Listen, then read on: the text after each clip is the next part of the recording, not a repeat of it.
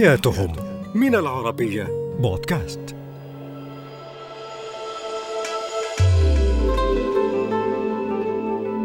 مرحبا. أنا رفيدة ياسين وهذه هي حياتهم على العربية بودكاست.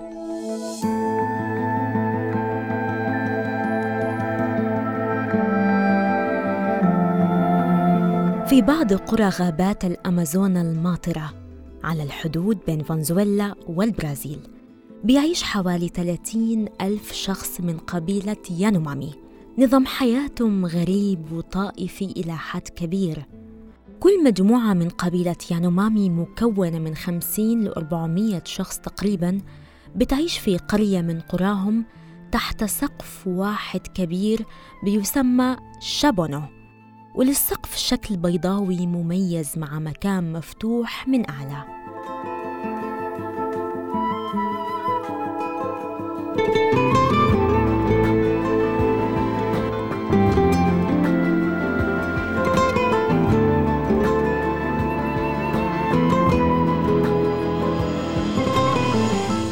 اللغة الأم للقبيلة بتضم أربع لهجات رئيسية. هي يانام وسانوما ويانومامي ويانومامو. وهي لهجات محلية بس مختلفة عن بعضها إلى حد كبير لدرجة إنه في بعض الأحيان مجموعات القبيلة نفسها ما بتفهم لهجة المجموعات الثانية. حتى لهجاتهم دي غير متعلقة باللغة الأصلية لجنوب أمريكا وأصولها غامضة بالنسبة للكثيرين وغير متعارف عليها في مناطق تانية وبيتم الحفاظ عليها بتوارثها داخل أبناء القبيلة نفسها.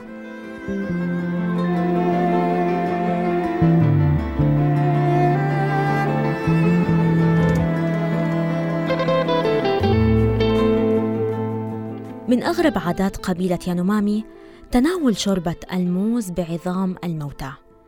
نعم الموتى. بيتم لف جثة الشخص المتوفي في أوراق شجر وبيسمحوا للحشرات بالانقضاض عليها. وبعدها بيتم جمع رفات الجثة وسحقها بعد مرور 45 يوم تقريباً. بعد كده بيخلط الرفات بشوربة الموز. وبعد كده أسرة الشخص المتوفي بتشرب الشوربة دي. الطقس ده مهم عندهم جدا لأنهم بيعتقدوا إنه بالطريقة دي الشخص المتوفي بيدخل الجنة.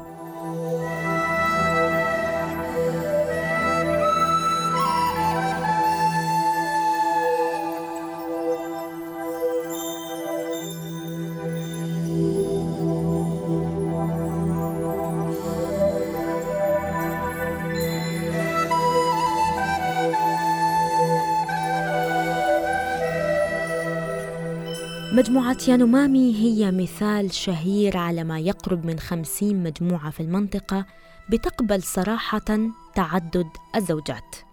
القرابة وعلاقة الدم مهمة بالنسبة لهم في الارتباط لأنه بين الأقارب بيسمح أحيانا بتبادل النساء.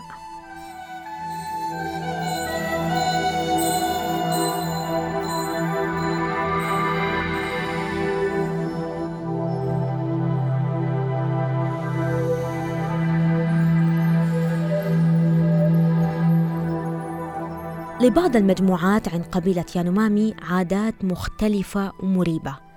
منها إنه على كل امرأة قتل أطفال من الإناث لحد ما تنجب ولد. وما بيسمح للبنات إنهم يعيشوا إلا إذا اتولدوا بعد الصبي الأول.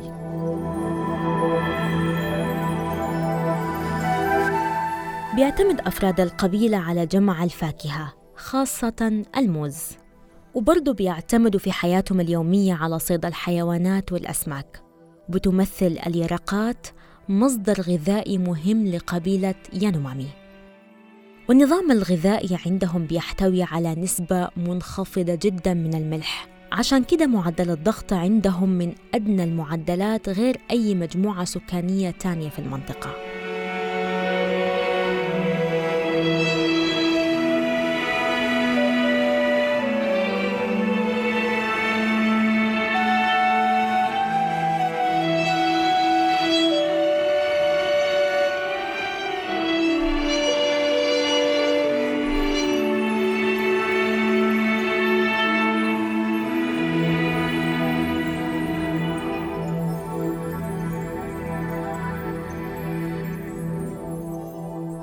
من مهام أفراد القبيلة اليومية قطع الأشجار واستخدامها في صنع الحطب لإشعال النار وبيمتهنوا برضو الزراعة المتنقلة.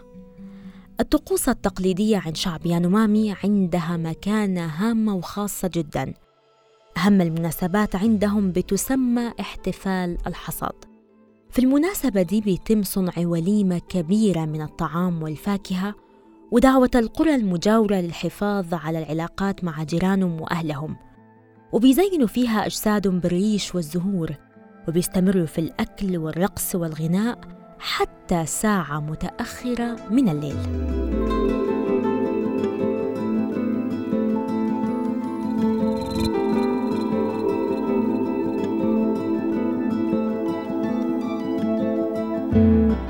من العادات الغريبة والمختلفة عن قبيلة يانومامي إنه الحيض عند فتيات القبيلة بيعتبر بداية الأنوثة ووقتها بيسمح بطلب الفتاة للزواج. وبمجرد بلوغ الفتاة مفروض تتزوج مباشرة.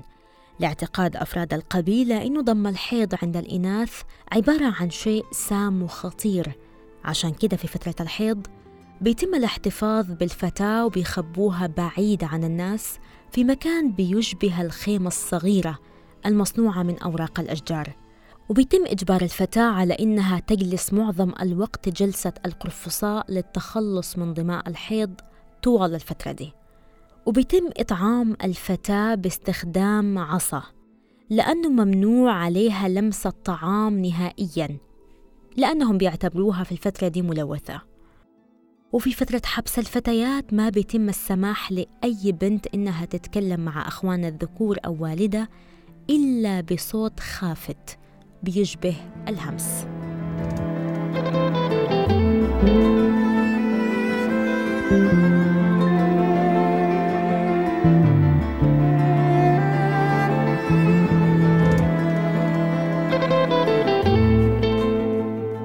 عند ممارسة عادة تعدد الزوجات بيطلب الرجل عادة من زوجته إنها تقبل بخياره بود لأنه ما عندها خيار.